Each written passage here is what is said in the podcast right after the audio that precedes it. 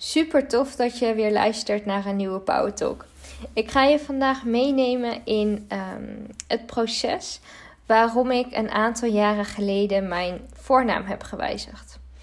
En daarmee wil ik jou inspireren om ook uh, keuzes te maken als jij je ergens niet meer prettig bij voelt. Of als iets gewoon niet meer goed voelt, dat je keuzes mag maken. Bij mij was dat dat ik mijn voornaam ging wijzigen. Misschien worstel jij op dit moment wel met een bepaalde keuze die jij mag maken. En uh, waarbij je heel erg twijfelt, waarbij je je onzeker voelt en waarbij je ook bang bent voor de meningen van anderen. En laat je door mijn verhaal inspireren om toch de keuzes te gaan maken waar jij uiteindelijk het allergelukkigst van wordt. Want daar gaat het om, om jouw geluk. Nou, gisteren uh, deelde ik op Instagram dat ik uh, een beetje jarig was. Het was namelijk gisteren 18 januari 2021. En dat betekent dat ik uh, gisteren, vier jaar geleden, besloot om mijn voornaam te wijzigen. En ik deelde ook op Instagram dat ik daar vandaag op 19 januari een Power Talk over zou gaan opnemen. En of mensen nieuwsgierig waren. Nou, en daar werd heel leuk op gereageerd. Dus uh, nou, daar komt hij hoor. Het, uh, het was ongeveer eind december 2016. En dat was het moment waarop ik. Um...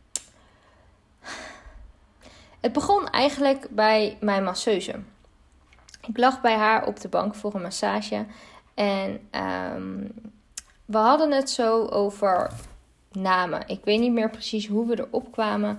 Maar het ging over voornamen en over dat je daar niet helemaal oké bij voelt. En nou was het zo dat uh, ze mij vertelde dat uh, toen zij jong was, dat zij haar voornaam had gewijzigd.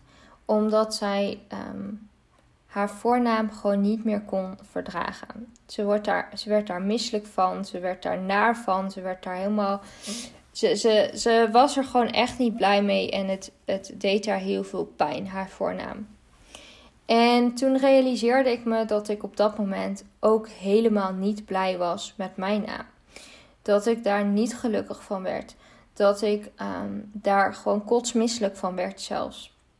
Dat ik mijn voornaam niet kon uitspreken meer. Ik kon hem niet meer schrijven zonder dat ik um, nare fysieke reacties kreeg zoals kokhalsneigingen, misselijkheid. Um, dat het voelde alsof dat mijn keel dichtgeknepen werd op het moment dat ik mijn naam moest uitspreken. En um, ja, ik, ik, ik kon hem gewoon dus echt niet meer horen, niet meer zien, niet meer schrijven. Um, dus het was best wel heftig. En het voelde ook niet als mijn naam. Het voelde gewoon niet als de naam die bij mij hoorde. En elk moment dat ik mijn naam hoorde of mijn naam zag of mijn naam moest schrijven, werd ik ook heel erg herinnerd aan uh, trauma's uit mijn verleden. Um, die vastkleefden, letterlijk vastkleefden aan mijn naam. Dus elke keer wanneer ik dan weer mijn naam hoorde, um, voelde het alsof dat ik teruggezogen werd in het moment waarop dat trauma plaatsvond. Dus um, bijvoorbeeld het moment waarop ik heel erg gepest werd door mijn buurjongetjes. Die, um, ik ga niet mijn oude voornaam noemen, maar um, dit, uh, dit kan ik wel, uh, wel zeggen. Dit voelt wel oké om, om te benoemen. Die zeiden bijvoorbeeld Irmefla. En de eerste paar letters waren ook de eerste paar letters van mijn oude voornaam. Dus elke keer als ik dan mijn voornaam hoorde, werd ik weer teruggezogen naar het moment dat die buurjongetjes dat tegen me zeiden.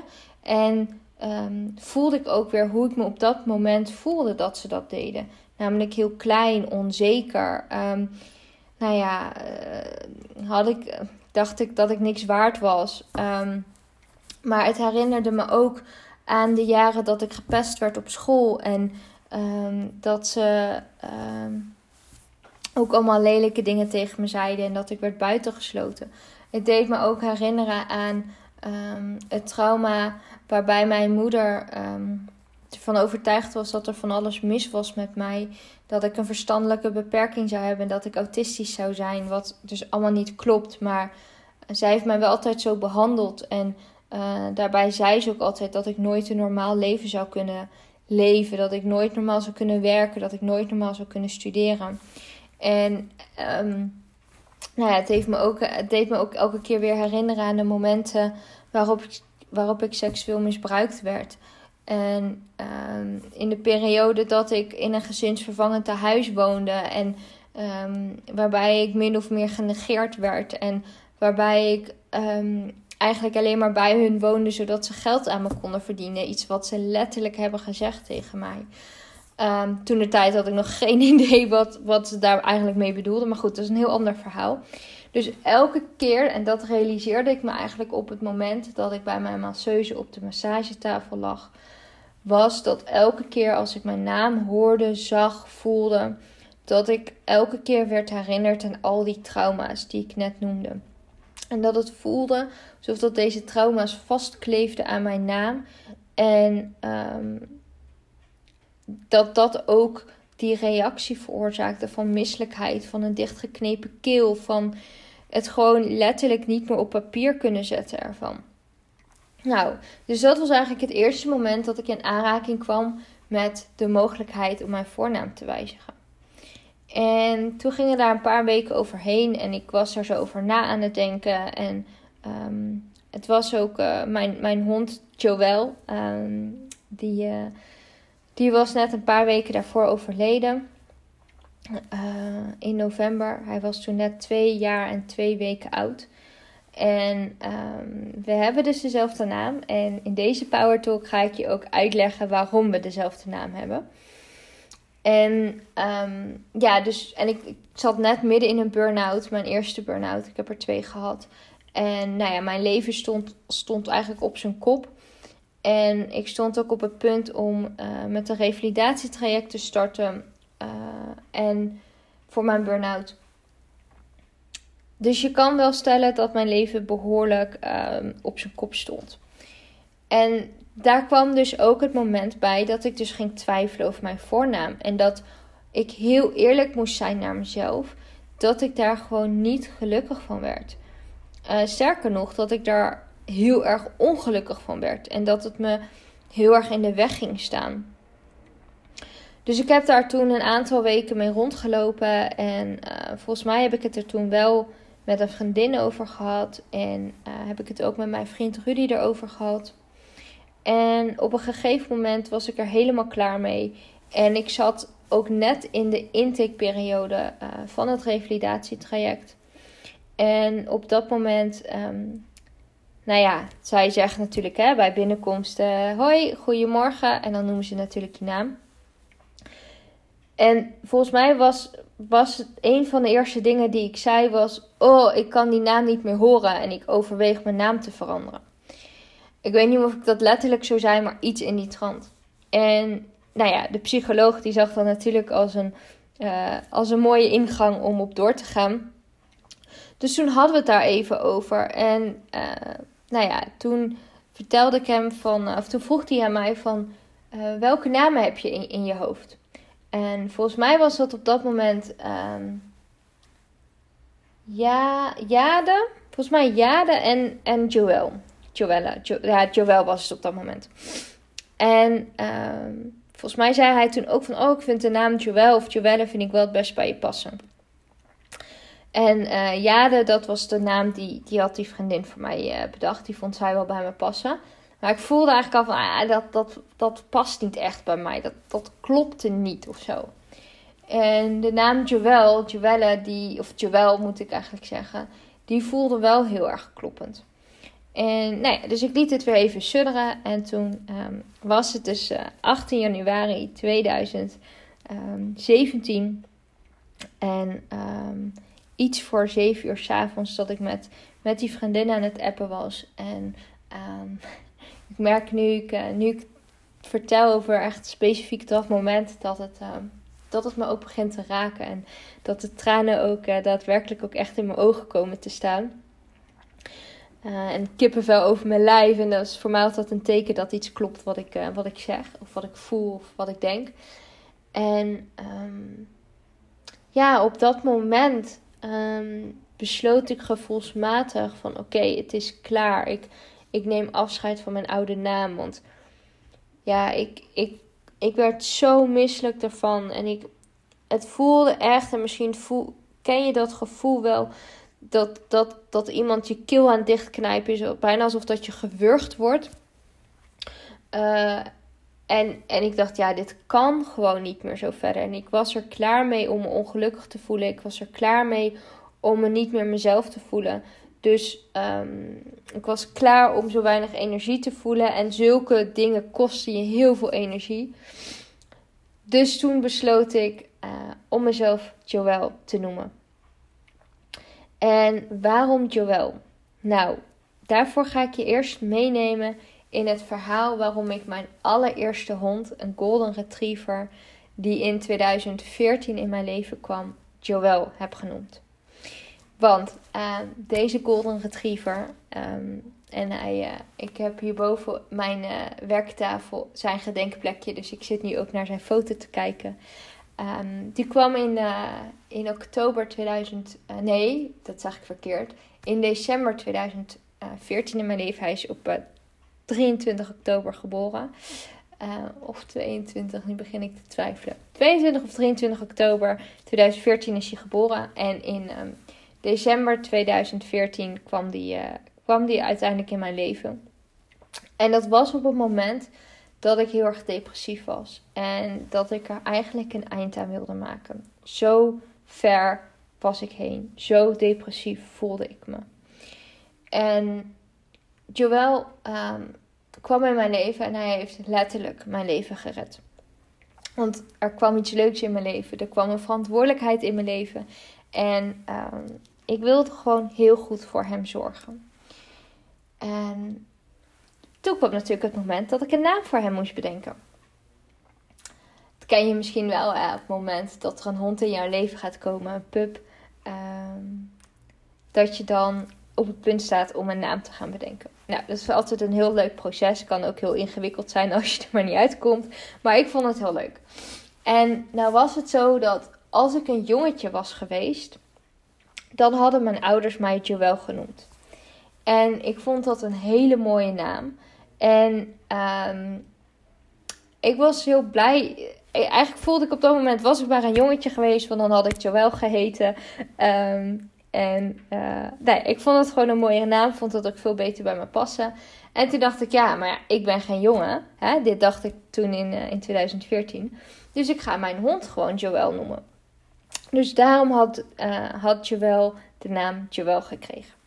Nou, Joël is heel erg ziek geweest. En um, er was van alles altijd met hem aan de hand. Achteraf gezien denk ik, hé, hey, volgens mij zaten daar heel wat spiegels in verborgen.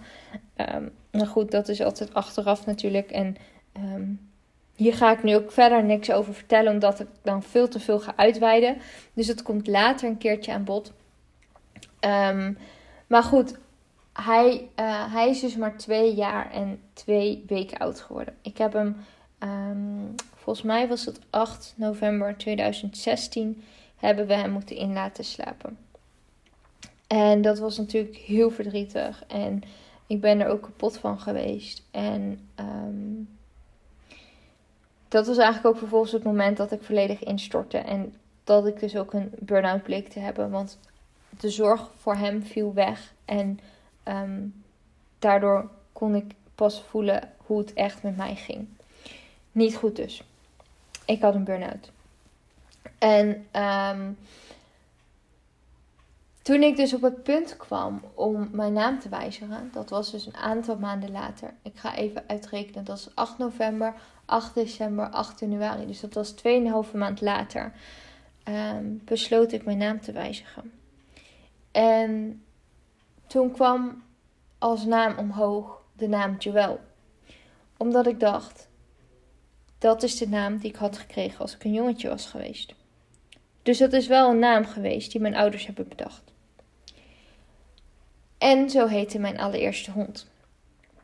Een hond die heel veel voor mij heeft betekend, namelijk hij heeft mijn leven gered. En toen dacht ik, hoe mooi zou het zijn als ik hem zou kunnen eren met deze naam. Dan leeft hij toch nog een beetje voort. En dan ben ik hem toch niet helemaal kwijt. En nu schiet ik weer vol als ik dat zeg. Maar Joël is een jongensnaam. Dus ik dacht, die moet ik vrouwelijker maken. Dus ik ging zoeken ook op internet. En ehm, toen kwam ik erop dat als je er een E achter plakt, dan wordt het een vrouwelijke naam. Dus zo kwam ik op de naam Joella. Omdat ik zo graag mijn allereerste hond Joël wilde eren. En daarom hebben we dus ook dezelfde naam. En dan komt het moment Ehm, dat je dit ook aan de buitenwereld moet gaan vertellen. En dat is nogal wel een ding. Dat is echt wel een proces. En eerst heb ik even de tijd genomen om er zelf aan te wennen. En ook om Rudy eraan te laten wennen. Want hij kende mij inmiddels al anderhalf jaar met mijn oude naam. Dus voor hem was het ook een enorme omschakeling. Uh, nou scheelt het dat hij me eigenlijk sowieso al nooit echt bij mijn voornaam noemde. Maar altijd zei schatje, liefje, uh, liever, dat soort dingen. Maar ja, toch was het ook voor hem een hele omschakeling. En toen was ik aan het nadenken van hoe, ehm, hoe wil ik dit vorm gaan geven? Hoe wil ik dit gaan communiceren naar de buitenwereld? Ik weet ook nog wel ehm, dat ik me toen best wel ook opsloot en isoleerde omdat ik zo min mogelijk onder de mensen wilde komen. Omdat ik ook zo min mogelijk mijn oude naam wilde horen. En ondertussen ging het intake-traject bij uh, het revalidatietraject ging door. En ik startte daar ook daadwerkelijk. En dat was dus ook het moment dat ik op een nieuwe plek uh, mezelf al ging introduceren met mijn nieuwe naam. Dat was heel gek, want je moet je voorstellen dat uh, ik was toen dat is vier jaar geleden. Ik ben nu 29. Dus toen was ik uh, eh, 25. Dat ik toen 25 jaar lang ehm, met een naam heb rondgelopen. En zo natuurlijk werd genoemd. Dus ook voor mezelf was het een enorme omschakeling om ineens Joelle te gaan zeggen. Dus het was heel erg wennen op die nieuwe plek. Maar echt een uitstekende uh, uitstekende manier om eraan te gaan wennen. Want hè, je moet je aan heel veel mensen gaan voorstellen. Dus uh, ik gaf iedereen een hand. Nu in coronatijd gek om je voor te stellen dat er een periode was dat we dat uh, automatisch deden. Um, en dan zei ik, hoi, ik ben Joelle. En ik moest elke keer, wanneer ik mijn hand gaf om me voor te stellen, elke keer moest ik nadenken van, oh ja, wacht even. Ik moet wel mijn nieuwe naam zeggen. En ik, volgens mij heb ik ook echt nog wel een paar keer per ongeluk mijn oude naam gezegd.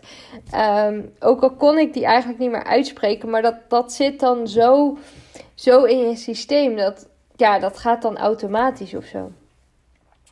En um, nou ja, toen gingen mensen mij natuurlijk ook ineens Joelle noemen. Dat ik ook echt denk, hè, dat is raar. Uh, zo heet ik toch eigenlijk niet. En oh nee, wacht, ik heb mijn naam veranderd. Dus dan, dan komt er eigenlijk zo'n heel proces op gang dat je er heel erg aan moet gaan wennen. Ehm, dat je dus anders heet. Nou, en, uh, maar dat was dus wel een hele mooie manier om, om um, daaraan te, aan te wennen. En ik, nu ik dit aan het vertellen ben, bedenk ik me ineens. Er was ook een moment, gingen we een spel spelen met zo'n bal. Misschien ken je dat wel, dat je dan in een kring staat en, en je kent elkaar dan net. En dan ga je de bal overgooien, ga je naam oefenen. En als je dan de bal overgooit, noem je de naam eerst van jezelf. En daarna um, gooi je hem naar iemand anders en noem je de naam van die persoon. Misschien ken je dat spelletje wel. Nou, dat was natuurlijk ook voor mij een uitstekende manier om uh, aan mijn eigen naam te gaan wennen. Um, nou ja, dus op een gegeven moment ging dat steeds soepeler, soepeler en soepeler. En toen kwam natuurlijk ook het moment dat ik het toch echt aan de buitenwereld kenbaar moest gaan maken. En toen dacht ik van, ja, weet je, dit is eigenlijk gewoon een nieuwe geboorte. Um, daarom dat ik ook al zei, ik was gisteren een beetje jarig. Uh, dit is gewoon een nieuwe geboorte. Het voelde echt als een nieuw begin, als een nieuwe start. Uh, ook als eindelijk nog meer mezelf worden. Um, omdat die oude naam, die hoorde ook gewoon helemaal niet bij mij. En toen besloot ik uiteindelijk om een geboortekaartje te maken. En um, ik, ik wilde um, een geboortekaartje, ook met een aantal symbolen erbij die heel erg bij mij pasten. Dus ik heb, een, ik heb hem hier ook naast me liggen. Dus ik zal hem ook sowieso op, op Instagram delen. maar hier in de Power Talk zal ik er een beschrijving van geven hoe het eruit ziet. Op de voorkant ehm, is een cirkel met dolfijnen en vlinders. En ehm, de betekenis daarvan, ik zal, het, uh, ik, ik zal het gewoon even aan je voorlezen. De betekenis van de symbolen op de voorkant. Zo heb ik dat in mijn geboortekaartje geschreven. Dolfijn, dat is mildheid, liefde, vrijheid, verbinding, verlangen en kracht. En dat zijn wel woorden die heel erg staan voor wie ik ben en waar ik voor sta. En de vlinder, de betekenis daarvan is transformatie, vreugde, vrijheid en je kunt zijn wie je wilt zijn. Nou ja, en dat past natuurlijk heel mooi uh, bij dat moment van een naamswijziging. Want Joella uh, Joël, ik word ook eigenlijk stiekem gewoon het liefst Joël genoemd hoor. Dus, um, want dat vind ik gewoon veel mooier. Maar om het vrouwelijk te maken, uh, heb ik er een E achter geplakt. Dus officieel heet ik Joelle, maar ik vind het wel leuk om Joël genoemd te worden. Um, mijn nieuwe naam, die, die geeft mij die vreugde, die geeft mij dat vrije gevoel, die, die geeft mij het gevoel dat ik kan zijn wie ik wil zijn. En um, daarom hoorde de vlinder erbij. Dus ik heb een geboortekaartje gemaakt. En ik zal je zo meteen ook verder de tekst voorlezen die erop staat. En dat geboortekaartje heb ik uiteindelijk um, naar iedereen opgestuurd. En vanaf dat moment was het dus out of the open en um, was het bekend. En had ik de naam Joelle of Joel. Ik zal je even voorlezen wat er um, op het kaartje staat. Eén momentje, ik neem even een slokje thee. van al dat praten krijg je een droge mond. Komt-ie.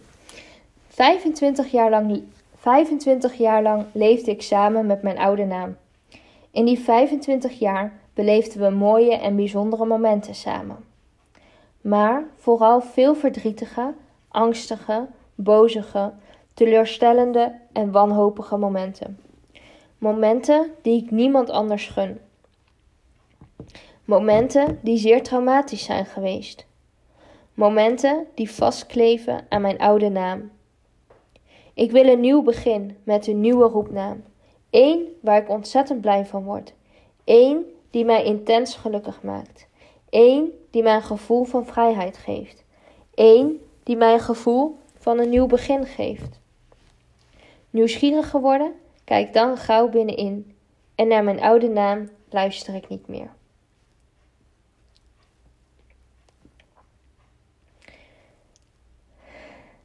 uh, ik ben benieuwd hoe, hoe dit bij jou binnenkomt natuurlijk. Vind ik, uh, vind ik ook leuk om van je te horen. Uh, en laat je je ook vooral door inspireren op het moment dat jij nu merkt dat jouw naam ook niet meer bij jou past. Of dat jij niet gelukkig wordt van jouw naam. En ik merk nu ik het voorlees dat ik ook helemaal vol schiet.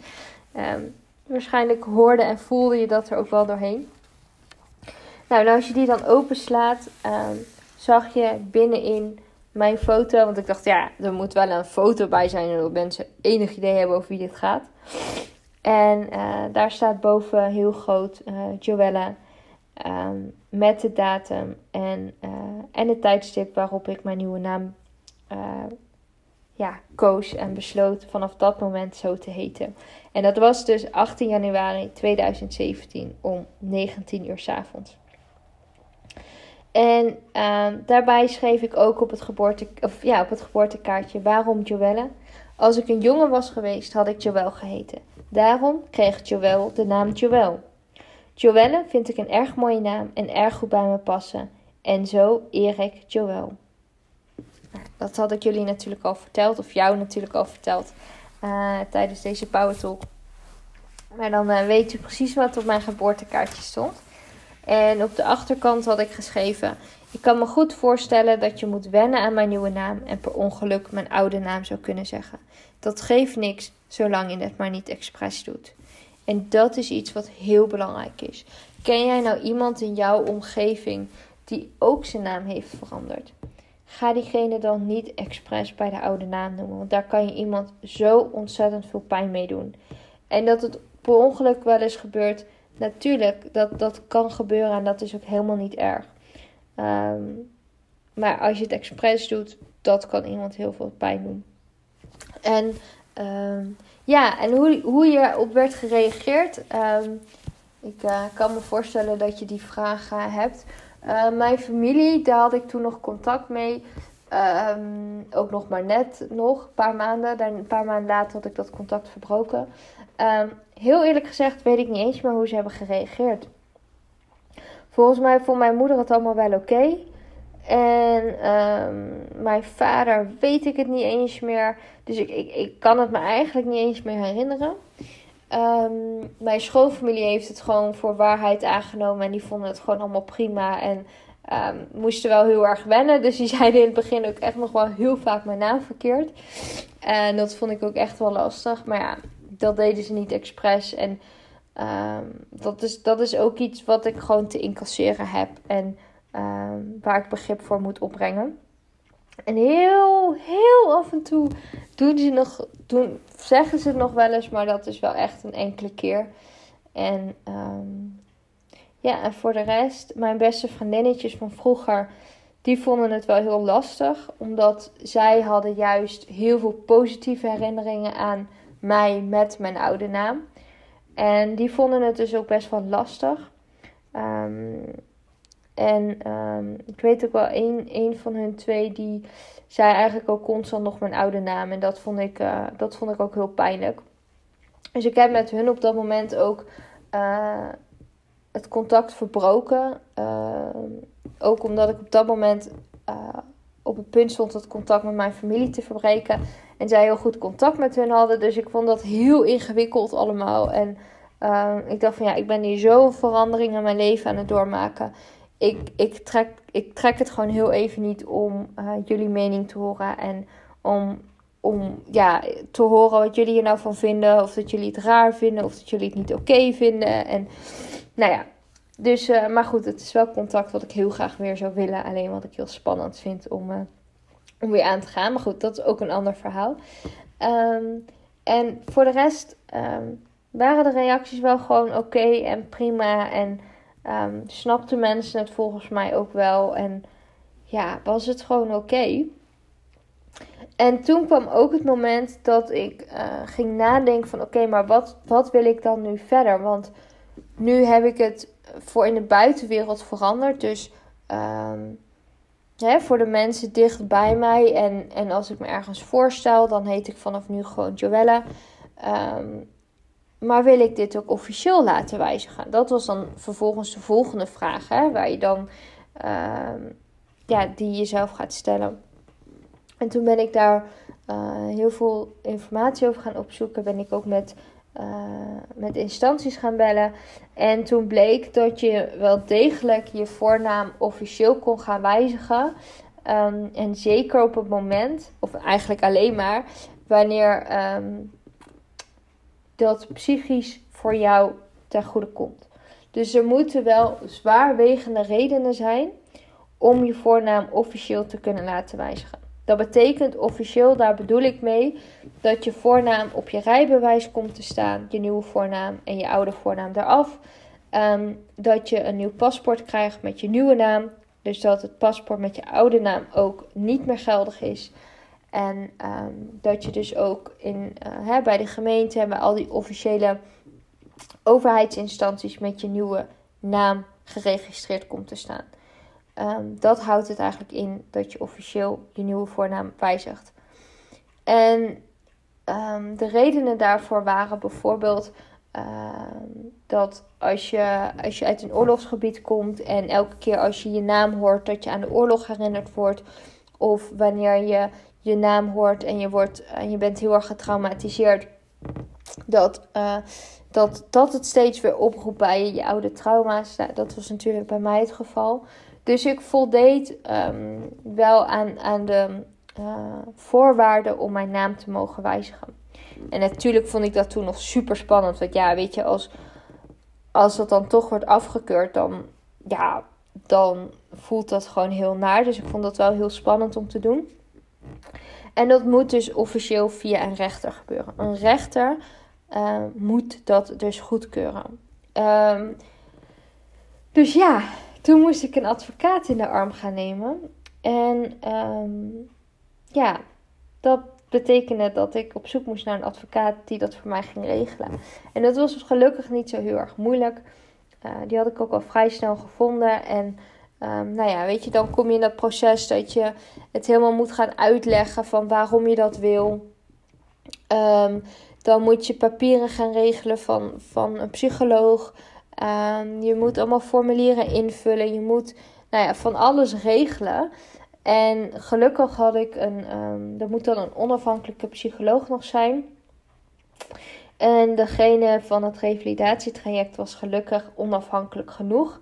En die wilde voor mij in een brief schrijven um, ja, waarom ik mijn naam moest wijzigen. En waarom dat zo belangrijk was voor mij. En wat dat mij zou opleveren voor mijn leven in, als, in het positieve. Dus ik ben hem daar ook echt onwijs dankbaar voor dat hij dat toen voor mij heeft gedaan. Want ja, dat, dat heeft uiteindelijk een officiële naamswijziging opgeleverd. En um, ja,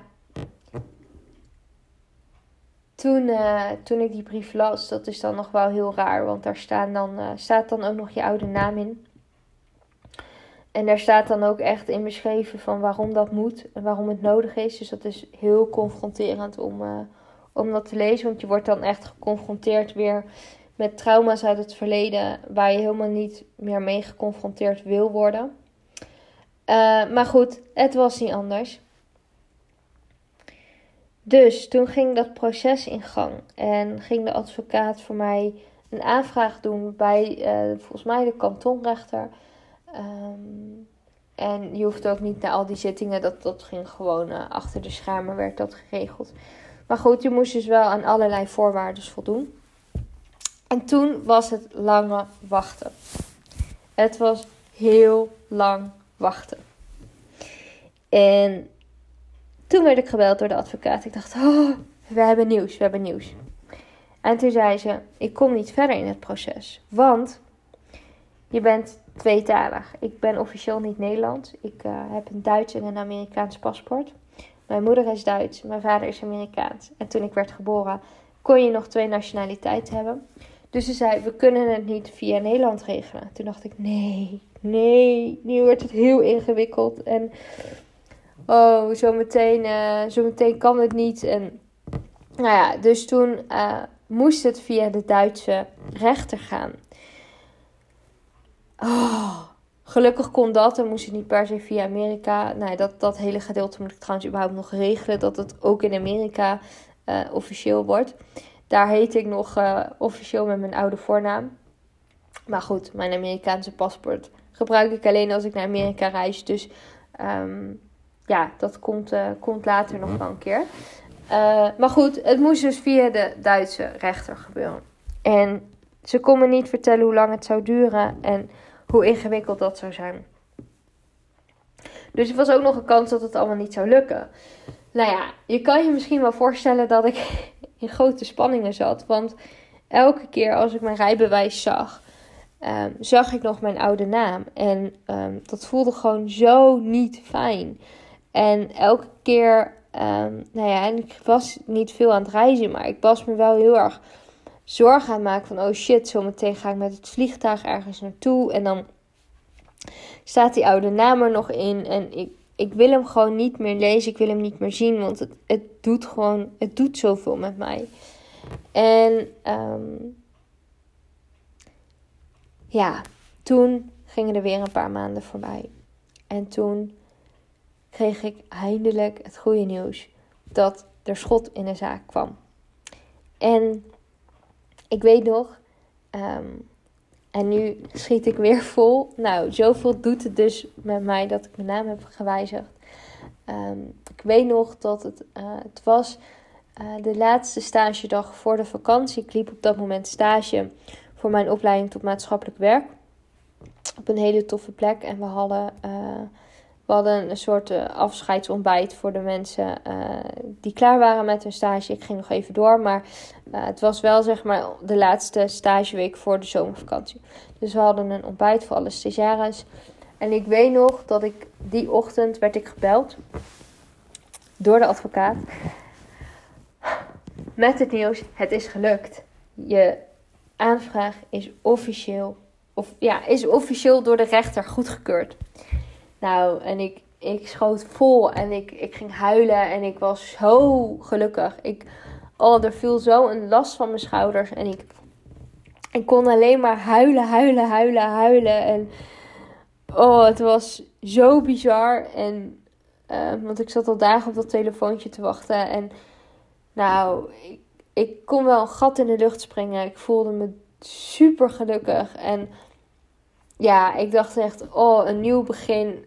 Het is gewoon officieel goedgekeurd. En gelukkig wist mijn stagebegeleider van dit proces af. Dus zij snapte ook dat ik moest huilen. En ze heeft me heel lief opgevangen. Maar dan ben je er nog niet. Want dan uh, hebben mensen in de omgeving nog drie maanden de tijd om in hoger beroep te gaan. En tegen de uitspraak van de rechter in te gaan. En dat waren, kan ik je vertellen, drie spannende maanden.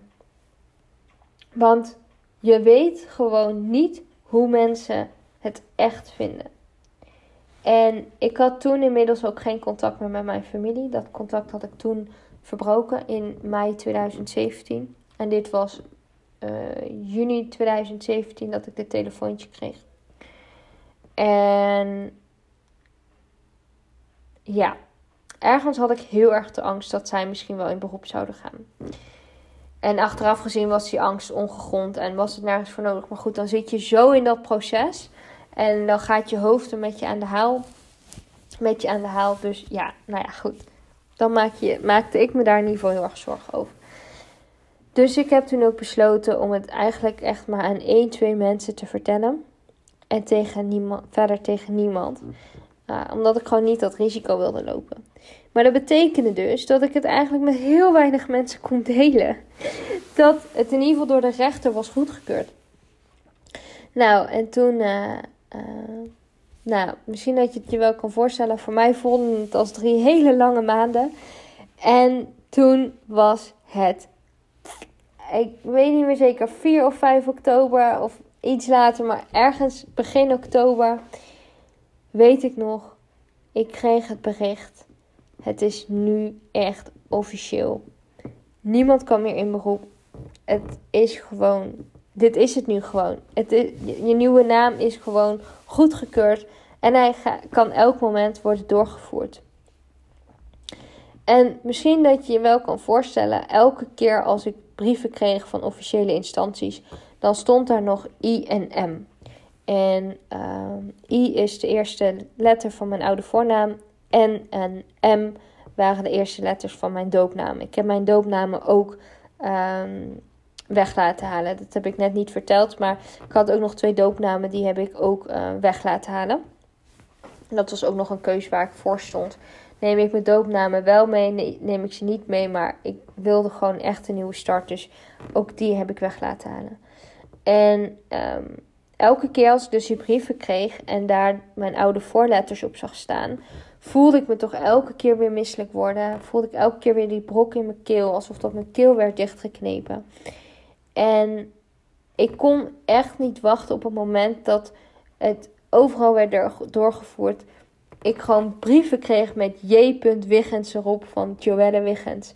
En uh, Wiggens is mijn achternaam. En ja, daar heb ik ook nog wel een beetje moeite mee. Maar goed, dat is wel iets, een heel stuk minder. Um, pardon, er moest even een boordje uit. En uh, ja, dus ik, ik kon gewoon niet wachten op dat het officieel werd doorgevoerd. En ik dus ook een nieuw rijbewijs kon gaan aanvragen. En ik ook mijn nieuwe paspoort kon gaan aanvragen. En oh, ik weet nog, ik kreeg dat bericht en ik zat op de computer en ik, ik heb toen echt duizend keer, nee dat is overdreven, maar heel, heel, heel vaak opnieuw ingelogd in mijn DigiD om te kijken of het inmiddels was doorgevoerd. En er moest volgens mij ook nog iets gebeuren in Zaandam, want daar ben ik geboren. Dus het moest ook nog via Zaandam. Dus het, het was ook echt nog best wel ingewikkeld om het ook uiteindelijk echt, uh, echt goed doorgevoerd te krijgen. En ik zat te wachten en ik was maar die, die website aan het refreshen en het refreshen en het refreshen. En ik dacht, oh, alsjeblieft, laat het nu doorgevoerd zijn. En nu schiet ik weer vol. En op een gegeven moment op een van die momenten dat ik hem weer had gerefreshed, stond daar J. Wiggens. En toen dacht ik, wauw, yes, het is nu echt officieel en niemand kan me meer wat maken. En het is nu gewoon echt mijn nieuwe naam. Een nieuw begin. En um, het is ook wel heel tof. Nu ik je dit vertel, uh, komt Aika uh, naar me toe gelopen. Die lag aan de andere kant van de kamer. Dus die voelt nu heel erg aan mijn emoties, uh, hoe ik me voel. En doordat ze bij me komt, is het eigenlijk, voelt het heel bevestigend van dat het een goede keuze is geweest. Dus een, een mooie spiegel van haar. En ja, dus het was bizar en ik sprong een gat in de lucht. En toen, dat was dus ook het moment dat iedereen het mocht weten. Dus het kon gewoon in die out of die open. En iedereen mocht weten dat mijn naam was veranderd. En zo, nou, ik heb de tranen over mijn wangen rollen nu. Uh, omdat het zo goed voelt en ik ook weer wel word teruggehaald in dat moment. En dat kan je hopelijk uh, voorstellen. Um, dus dat was ook het moment dat ik het op Facebook kon gooien. Dat ik, uh, ik weet nog dat ik heel veel mensen ben gaan bellen en gaan zeggen van... Oh, mijn naam is nu echt officieel gewijzigd. Vanaf nu heet ik gewoon echt Joelle. En um, ik ben toen ook gelijk, heb ik een afspraak gemaakt bij het gemeentehuis. Uh, heb ik gelijk mijn, mijn rijbewijs gewijzigd. En um, ben gelijk foto's gaan maken voor mijn rijbewijs. En ik ben dat gewoon direct gaan regelen.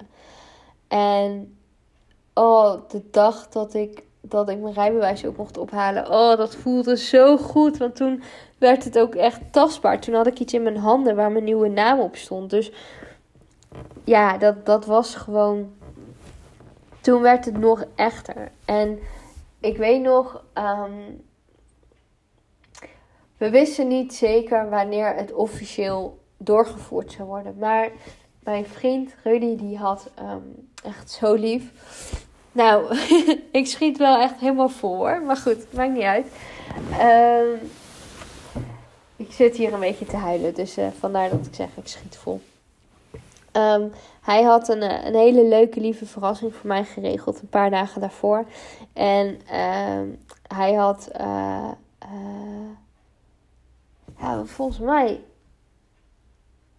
zit hier trouwens te denken.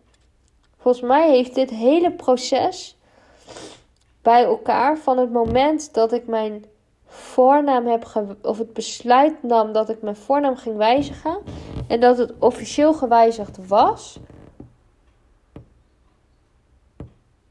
Ik zit even te denken. Ja, wel anderhalf jaar geduurd. Ja, nee, klopt wel wat ik nu zeg. Heeft anderhalf jaar geduurd. Um, ja, heeft anderhalf jaar geduurd. Want um, de. Uh, um, want Rudy had dus een heel mooi persoonlijk cadeautje voor mij gemaakt. Die had de een, een, een beker, een gepersonaliseerde koffiebeker besteld. En daar had hij de foto opgezet van het moment dat ik op 15 augustus 2018 me had ingeschreven met mijn bedrijf She-Wolf Power Coaching uh, bij de KVK. Want dat was natuurlijk ook zo'n zo een heel groot moment in mijn leven waarop ook weer een nieuw hoofdstuk begon. En um, en hij had dus op die beker de naam Joelle gezet. En dat is dus zo'n beker die, uh, als er niks in zit, is het een, een bruine beker, is hij of zwart. En zie je verder niks. Dus dan, dan denk je gewoon, oh, dit is gewoon een zwarte, zwarte bruine beker. Maar op het moment dat je daar dus iets heets in doet, dus heet water of koffie of hete melk of gewoon iets dat heet is, dan kleurt die op en dan komt daar dus die foto tevoorschijn en komt dus mijn naam tevoorschijn. En uh, ja, en hij had, hij had ook een heel lief kaartje erbij geschreven. En die beker had hij dus een paar dagen voordat, ik, voordat hij overal werd doorgevoerd, had hij die besteld. En hij had geen idee wanneer die binnen zou komen.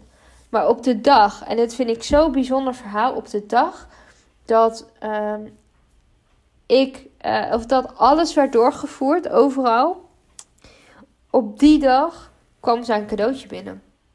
Op die avond. Dus het was zo bijzonder en dat was zo in lijn met elkaar. Ja, dat was echt prachtig. Dus het was een hele mooie kers op de taart uh, van die dag en van dat moment. Dus ja, het, het was echt een heel proces van erachter komen dat mijn voornaam niet meer bij me past. Erachter komen dat, uh, dat ik zoveel last had van mijn voornaam.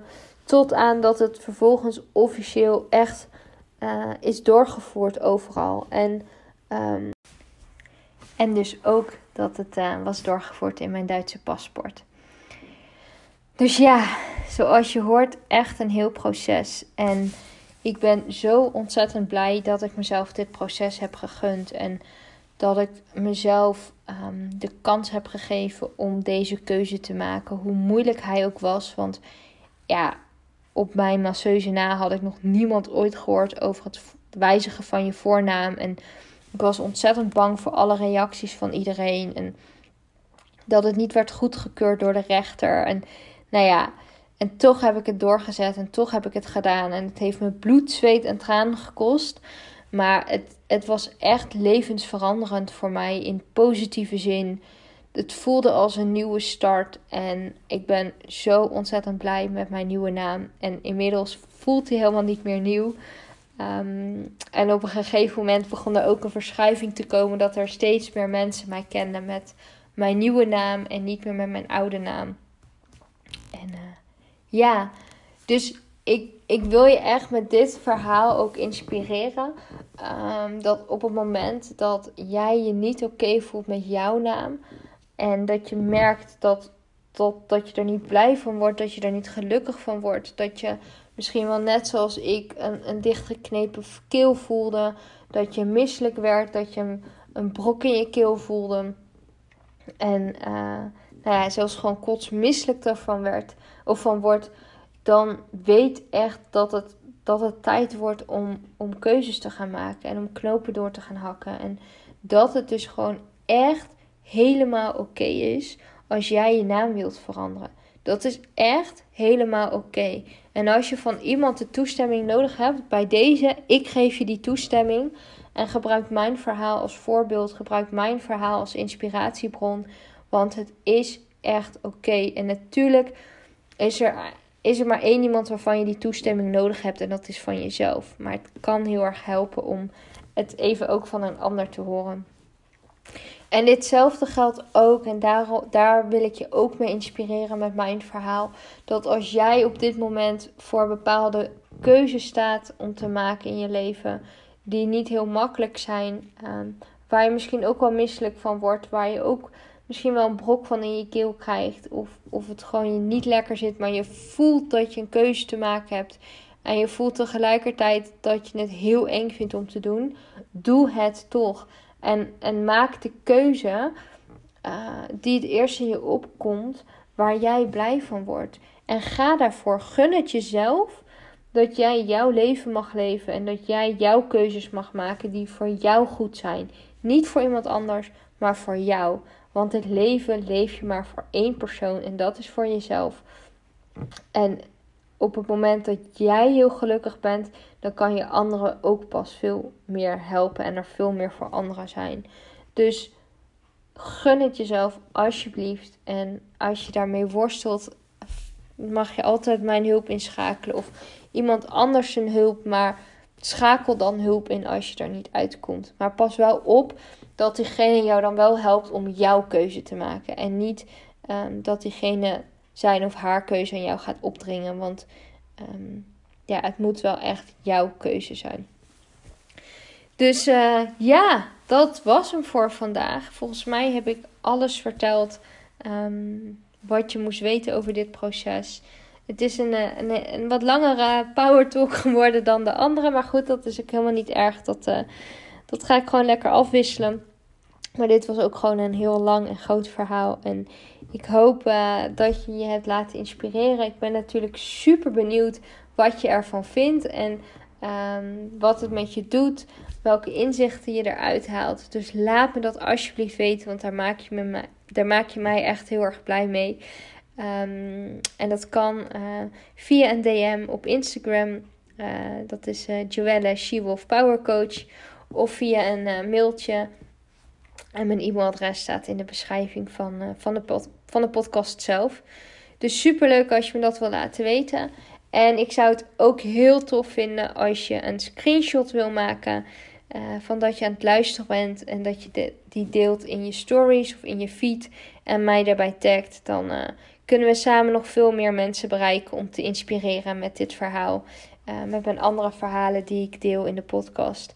Dus uh, zou ik heel fijn vinden. Dank je wel daar alvast voor. En weet dat ik, uh, dat ik me echt dat ik me super dankbaar voel voor iedereen die luistert. En ja, dat ik dat eigenlijk een hele eer vind als je, als je mijn hele podcast hebt geluisterd. Dus heel erg bedankt daarvoor. Laat me weten wat je ervan vond. En dan wens ik jou een hele fijne dag. En als je keuzes te maken hebt die je moeilijk vindt, wens ik je heel veel succes.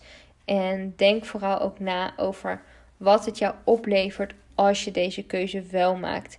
En wat het je kost als je deze keuze niet maakt. Dus uh, dat is nog even een, uh, een tip. Een, uh, een mooi handvat hoe je dat kan doen. Nogmaals een hele fijne dag. En tot de volgende Power Talk. Doei doei!